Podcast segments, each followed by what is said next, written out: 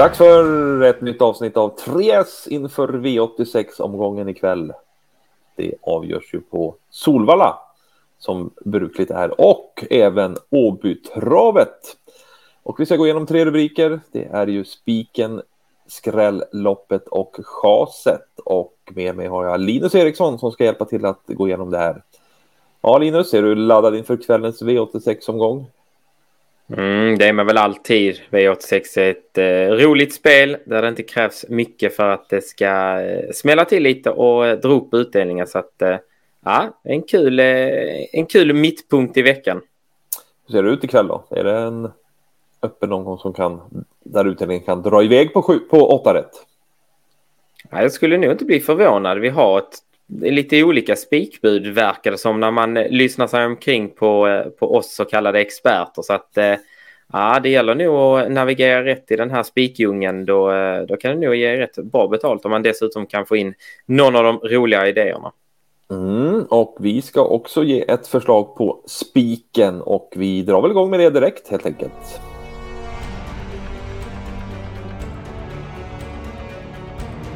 Då ska vi ta och gå igenom spiken den här eh, omgången och vi eh, bläddrar faktiskt fram till V86 femte avdelning. Där hittar vi kvällens spik och det är nummer ett Combat Fighter som aldrig har vunnit lopp hittills. Men ikväll är det dags alltså. Ja, vi tror det. Eller vi hoppas på det i alla fall och tror det. Eh, om vi börjar med, då med Combat Fighter så är det väl kanske som du säger, det är inte den mest smickrande raden här med noll segrar i karriären och Dessutom en nolla och galopp senast, men eh, ja, det var bra rapporter inför starten senast. Det var ett, ett, eh, ett uttagningslopp till kriteriet. Tyvärr blev starten fördröjd då, vilket gjorde att hästen stressade upp sig och gick över ett passgång upp mot bilen. Och sen var egentligen den dagen förstörd. Men eh, Anders, eh, Anders Svanstedt valde ändå att eh, köra på lite med hästen. Gick jättesnabbt eh, sista bortre lång. Men eh, den där upphämtningen eh, kostade på och eh, hästen tröttnade förståeligt. Um, tyckte ändå intrycket var klart positivt. Han visade då de fina fartresurser han har. Och eh, det här är ju en häst som, även om han inte har vunnit, vi håller honom, honom inte som jättemycket sämre än de som till exempel startar i finalen på lördag. Nej, och eh, barfota runt om gick han sist där. Vet du hur det funkade?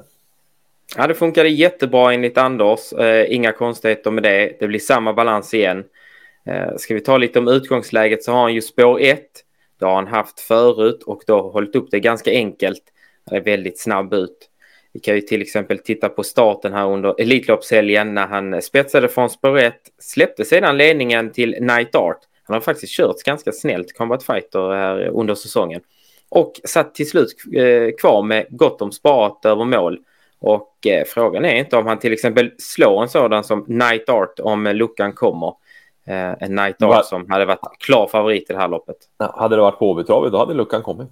Då hade luckan kommit. Och vi är på Åbytravet nu. Men eh, vi tror som sagt på spets och slut. Så är det. Eh, men som sagt, det går ju att vinna från eh, om man skulle bli av med spets och om, om det finns chans på open stretch. Men spets och slut eh, är tanken på nummer ett Combat Fighter som är spiken för oss ikväll. Perfekt det, då har vi spiken avklarad och då ska vi gå på skräll.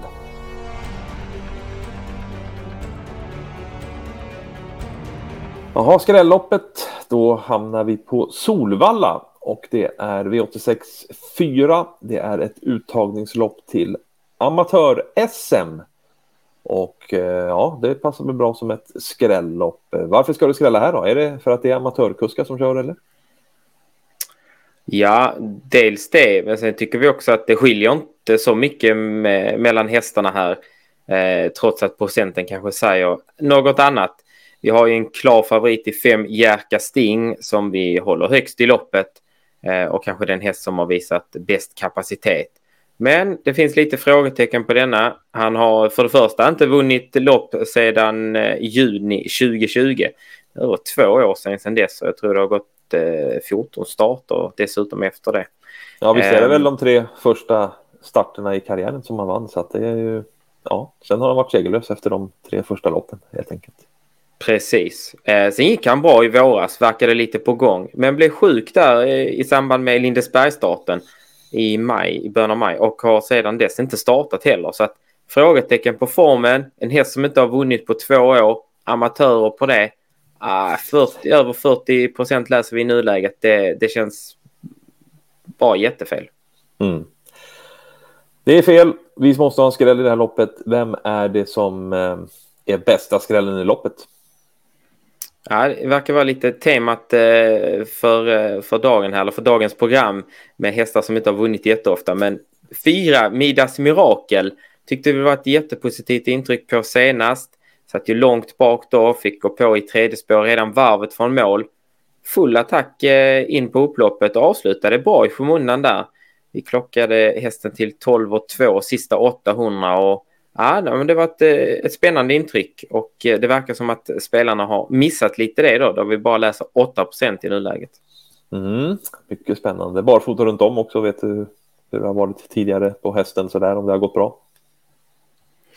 Ja, segrarna har ju tagit med skor på så att eh, det är inte automatiskt att det blir jättemycket bättre.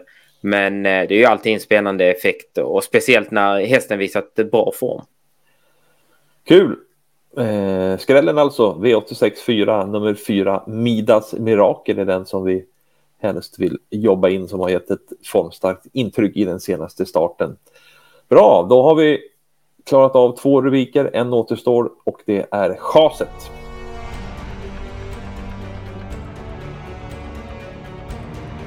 Ja, det har väl som sagt varit en liten trå röd tråd i det här programmet just att eh, det är en del hästar som inte har vunnit så mycket lopp som vi har lyft fram här och detsamma gäller väl chaset som vi hittar i V86 7. Eller hur Linus? Ja, vi tänker då på den eh, tidiga favoriten i alla fall. Två Haker Typhoon som faktiskt bara vunnit ett av 18 lopp inledningsvis. Eh, stark entaktad häst som har gjort det bra här över längre distanser. Gått i spets då mot eh, lite, lite tuffa hästar och inte räckt hela vägen men gjort det bra. Men eh, trots då att han kanske överlag möter lite sämre hästar så tycker vi det är fel att han är favorit med de här förutsättningarna. Mm, här finns det väl en häst som vi tycker höjer sig rent kapacitetmässigt och som ska vara favorit. Ja, och det är häst nummer sju, Achilles Face. Nu eh, har vi sett här under förmiddagen att han trendar uppåt och eh, kommer göra så under hela dagen och han kommer väl sluta som favorit. Och det ska han göra också för att om man ser till vad Achilles Face har visat så är han ju en betydligt eh, bättre och mer kapabel häst än eh, två Haker Typhoon. Mm, han har mycket galopper också. Ja, det är ju det, är ju det som är avbort och som gör att vi inte riktigt är säkra på om vi kommer gå rakt ut på Achilles face här. Eh, vi såg ju senast där han var ju, visade jättebra form då i ett derbyuttagning. Gott gåendes när han lite oturligt där. De krokar ju ihop där två ekipage och eh, han galopperar eventuellt bort en finalplats i derbyt där. Eh, ja, det